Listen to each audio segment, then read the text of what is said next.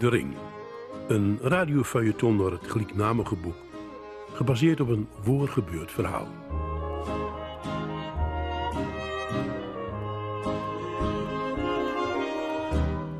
Je luistert naar een podcast van Drenthe Toen, De Ring. Geschreven en voorgelezen door Jan Spolling. Hoofdstuk 13. En dan staat Johan ineens midden in het plaatsje... waar zijn vader, de Duitse soldaat, gefotografeerd is. Het is alsof de bliksem door hem heen slaat. Ik vind het niet makkelijk om mijn gevoel te omschrijven. Daar ben ik nooit goed in West. Alles wij leest van dunne klappen bij dag... als verlamd staan blieven, hiet en koud tegelijk... alles beleefde ik misschien wel toen ik midden in koelen vakkoef stond. Zomaar ineens, op een soort marktpleintje, zag ik op de hoek van de straat precies hetzelfde gebouw als op de foto van mijn vader. Er was nog wat oorlogsschade, maar dit was de plek waar mijn vader staan had. Hier was hij op de foto kom en ik stond er nou ook. Zomaar, zonder enige. Het leek Horsten of knapper zo makkelijk als ik dit vinden had.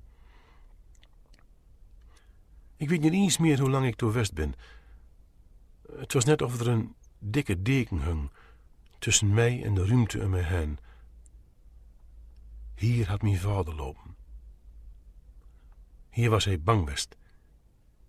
Hier had hij misschien ook wel aan mijn moeder dacht. En hier loop ik nou ook.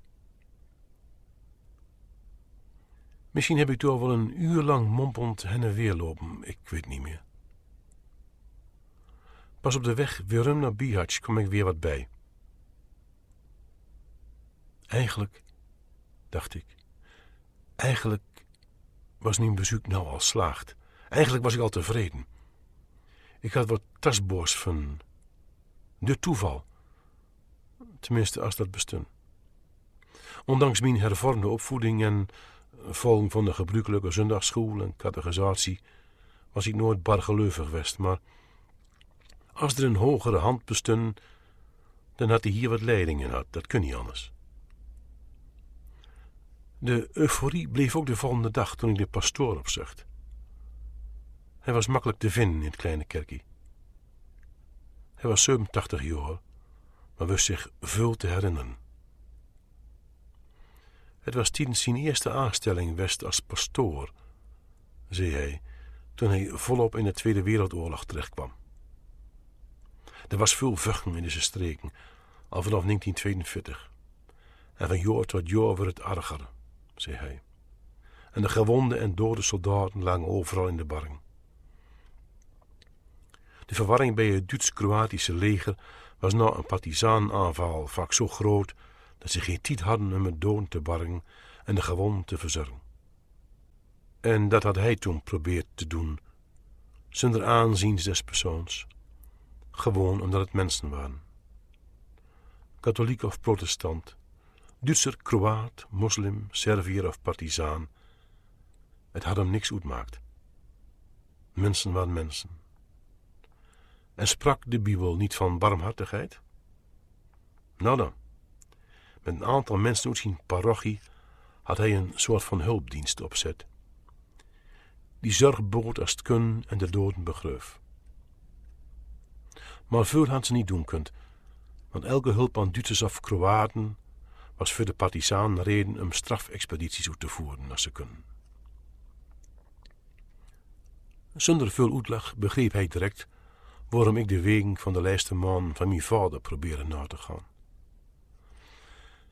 Ik moest toch eens weer naar Bihać, zei hij. En waren toch de grote begraafplaatsen west van het Duitse leger. Alle soldaten die in de regio sneuvelden, die we door naartoe bracht.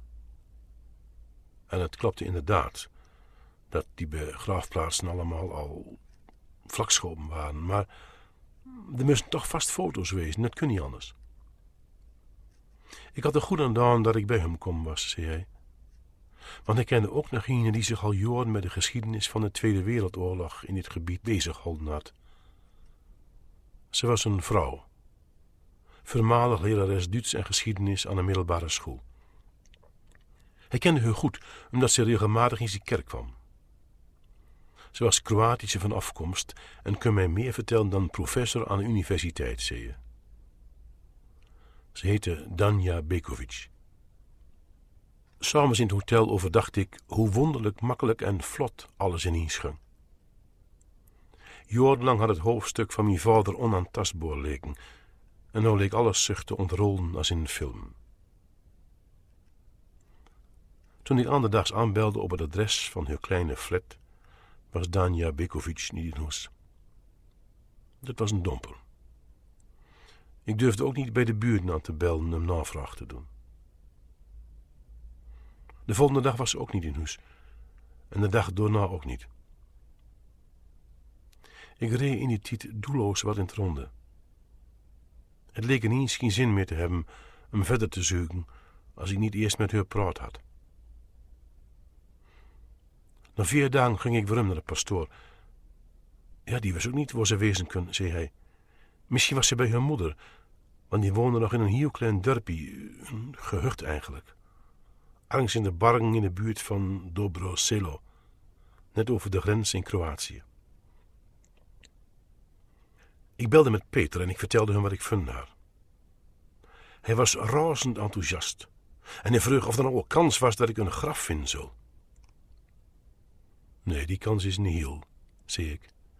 En ik legde uit hoe tien jaar geleden alle begraafplaatsen met bulldozers opruimd waren en dat er niks meer te vinden was. Misschien dat ik die bark nog vinden kon, maar dan was dan ook wel alles, dacht ik. Dus het was nog maar een vraag of ik het contact met Danja Bekovic wel afwachten moest, want ja, wat ik nou had, was waarschijnlijk het enigste wat ik kriegen kon, maar het was de muide weerwest. En ik zie dat ik me met de gedachte speelde om terug te komen, het hoofdstuk nou vergoed af te sluiten. Ben je helemaal gek? riep hij. Ben je net een beetje op weg en aan stoppen? Tevreden zijn met wat je hebt? Je weet niet eens of je alles al hebt. Doorgaan tot je echt niets of niemand meer kunt vinden die je helpt. Je bent er nu, je hebt contacten, wie weet wat er nog uitkomt. Blijven verdomme. Het was de eerste keer dat ik hem hoorde vloeken. De dag daarna was Danja Bekovic dus.